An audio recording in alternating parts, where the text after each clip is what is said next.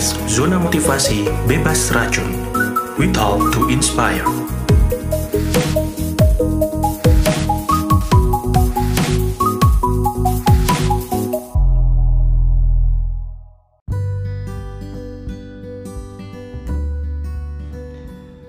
Halo teman-teman semua, apa kabar? Balik lagi di podcast um, Zona Motivasi Bebas Racun. Terima kasih teman-teman masih ma- masih mendengarkan dengan setia uh, podcast-podcast dari kami dan kita masih dalam uh, seri Emotional Intelligence atau kecerdasan emosional.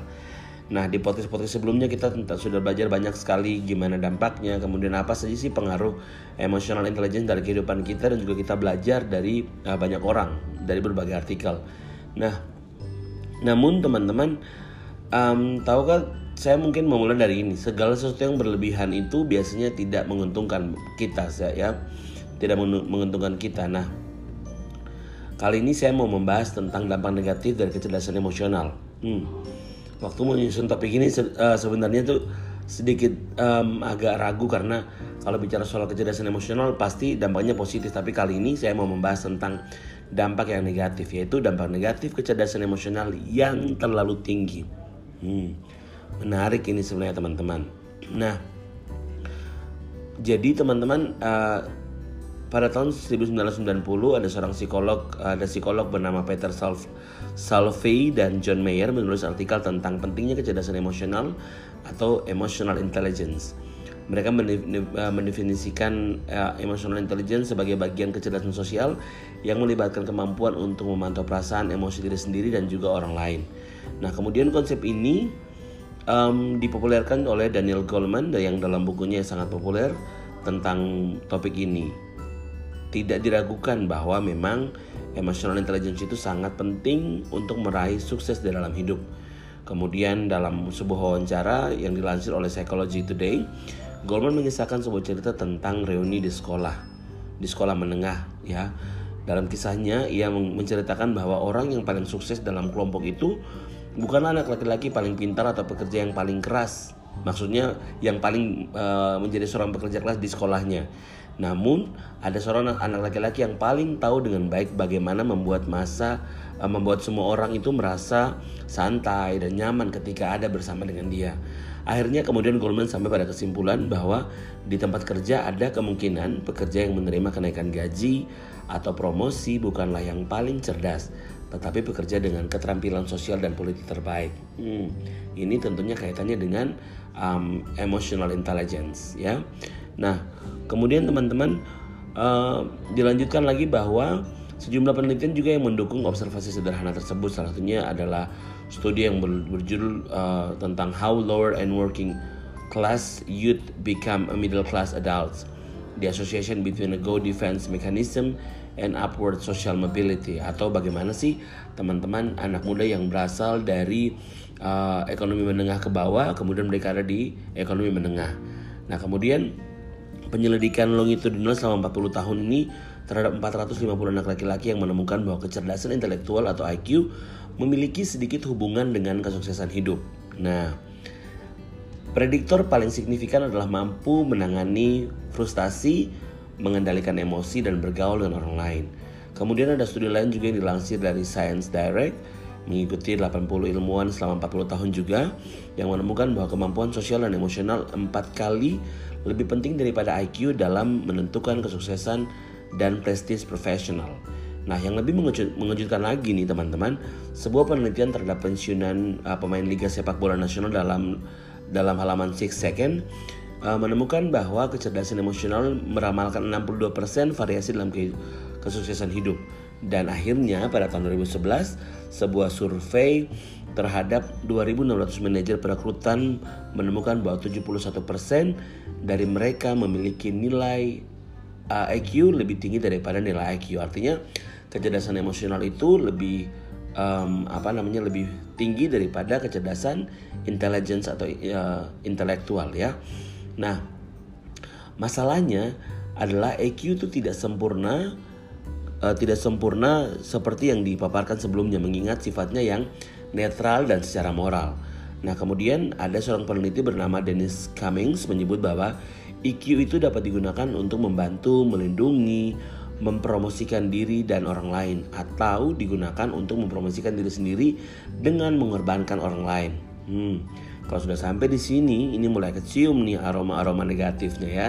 Oke, okay, dalam bukunya yang lebih ekstrim lagi menurut penulis penulis buku Good Thinking, Seven Powers Ideas that it influence the way we think itu, nah emotional intelligence uh, adalah Machiavellianisme atau uh, itu hanya mekanisme belaka yakni seni memanipulasi orang lain secara sosial untuk mencapai tujuan egoisnya sendiri. Nah, jadi kita bisa melihat nih sudah mulai ada dampak-dampak negatif ternyata bahwa emotional intelligence itu bisa membuat orang itu cepat naik tetapi ada sisi di mana dia bisa mengorbankan orang lain. Nah, kemudian ada beberapa dampak negatif yang akan saya bahas ya. Yang pertama adalah sukar memberi dan menerima kritik negatif. Nah, ini ini juga bahaya nih teman-teman. Jadi Thomas Komoro dan Premusik serta Adam Yesley dalam halaman Harvard Business Review menuliskan bahwa orang-orang dengan kecerdasan emosional yang tinggi memiliki empati besar kepada orang lain dan biasanya lebih perasa. Hmm, coba dicek kita ini lebih perasa atau tidak ya.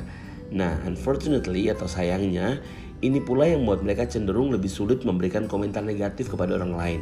Jadi takut mengkritisi orang lain, gitu. takut memberi kritik, takutnya nanti tersinggung karena orang-orang yang dengan uh, memiliki kemampuan intelligence yang baik atau emo emotional intelligence yang baik itu biasa lebih mudah berempati kepada orang lain, lebih mudah put their their feet in other shoes, lebih mudah uh, merasakan apa yang orang lain rasakan begitu ya. Nah, ketika mereka saat menghadapi kritik, mereka yang mempunyai kecerdasan emosional tinggi mungkin tidak akan mengenalinya sebagai komentar negatif. Nah, ini juga ketika mereka memiliki komentar negatif, mereka harus selalu melihat semua hal dari hal-hal yang positif.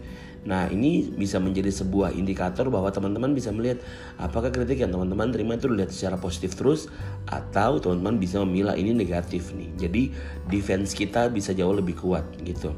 Kemudian teman-teman karena sukar memberi atau menerima kritik negatif, mereka ini kadang terlalu tenang dan positif tanpa menyadari bahwa orang lain mengubahkan uh, ada orang lain yang menyadari bahwa mereka itu butuh perubahan dari dirinya sendiri. Artinya kita boleh menjadi positif tetapi ingat bahwa kadang kita akan sulit untuk memberi dan menerima kritik yang negatif, ya.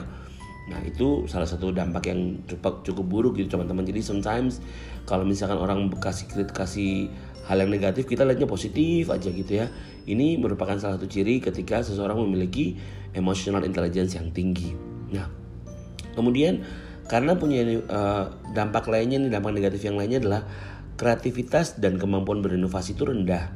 Nah selain dari hal yang disebutkan oleh Thomas Komaro Prime Music dan Adam Yesley tadi, mereka juga menulis bahwa ada banyak orang dengan kecerdasan emosional yang tinggi justru mempunyai sifat-sifat yang menandakan kreativitas rendah. Mereka memang pandai bekerja uh, bekerja sama dengan orang lain, tetapi jadi kesulitan untuk menonjolkan keunikannya karena mereka terlalu menjaga perasaan orang lain. Mereka terlalu memikirkan untuk semuanya fine-fine saja gitu. Semua orang harus bisa menerima dengan netral gitu.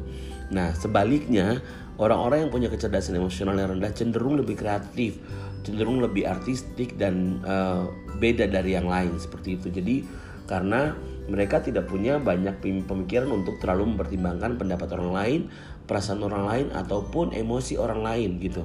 Jadi ternyata kalau punya emosional intelligence yang tinggi juga hmm, mesti mesti di dikontrol nih teman-teman ya. Nah kemudian um, orang yang dengan emosional tinggi itu moodnya sering naik turun dan sikap menggebu-gebu juga membantu mereka dalam menciptakan sesuatu gitu ya. Jadi um, ini juga menggebu-gebu baik tapi sebaiknya melakukan persiapan-persiapan ya. Nah satu lagi nih masih berkaitan dengan yang kedua tadi cenderung bermain aman dan menghindari resiko Nah, mereka yang mempunyai kecerdasan emosional terlalu tinggi biasanya lebih suka bermain aman tanpa banyak mengambil resiko. Ini biasanya orang-orang yang punya emotional intelligence tinggi ini biasa mereka tuh akan terlihat gampang sekali dinilai mereka tuh seperti orang-orang yang baik gitu ya tanda kutip. Nah, hal ini disebabkan karena mereka memiliki kendali diri yang sangat besar dan memastikan bahwa segala sesuatu itu harus teratur dan tidak merugikan yang lain. Jadi kalau dari sisi kita lihat um, dari sisi manajemen resiko, mereka adalah orang-orang yang tidak mau mengambil resiko terlalu tinggi. Itu sebabnya kontrol mereka akan jauh lebih besar, gitu ya. Nah, semakin tinggi kecerdasan emosional seseorang, maka semakin besar pula keinginan untuk mengontrol diri. Dan sikap seperti ini dapat menguntungkan beberapa di beberapa situasi saja. Namun kendali diri yang berlebihan terkadang bisa membuat kita takut atau orang-orang ini takut atau mereka takut mengambil resiko yang penting ya. Padahal ini merupakan perilaku yang membuat kita sulit berkembang dalam pekerjaan, hubungan sosial dan aspek kehidupan lainnya. Nah, ini masih berkaitan dengan pengantar tadi. Yang dampak yang terakhir adalah manipulasi orang lain. Nah, dampak yang disebut oleh Dennis Cummings yang dia sebut sebagai Machiavellianisme uh, karena dengan dasar kemampuan berempati yang dimiliki oleh orang-orang yang dimiliki orang-orang dengan kecerdasan emosi emosionalnya tinggi terkadang berkembang menjadi kemampuan untuk memanipulasi. Artinya ada banyak orang yang kemudian ter apa ya mudah terprovokasi atau terpicu dengan kebaikan yang mereka lakukan dan sadar maupun tidak mereka mungkin menggunakan kemampuan ini untuk mempengaruhi perilaku orang lain sehingga seperti contoh tadi biar tidak dikritik nah, karena dia sendiri sulit menerima kritikan gitu ya kemudian memanipulasi tidak selalu berarti buruk ya Malah seseorang dapat memanfaatkan kemampuan ini ketika menghadapi karakter orang tertentu. Akan tetapi tidak menutup kemungkinan di luar sana bahwa ada orang yang menggunakan manipulasi demi kepentingannya sendiri. Nah, jadi teman-teman meskipun um, emotional intelligence itu memiliki dampak yang positif, tetapi mesti dikonsider juga bahwa um, kecerdasan emosional juga memiliki um, dampak yang negatif kalau tingkatannya terlalu tinggi. Oke. Okay. Teman-teman itu saja dari saya untuk hari ini. Semoga podcast-podcast kami bisa memberikan semangat baru buat teman-teman semua. Terima kasih dan sampai bertemu di podcast selanjutnya.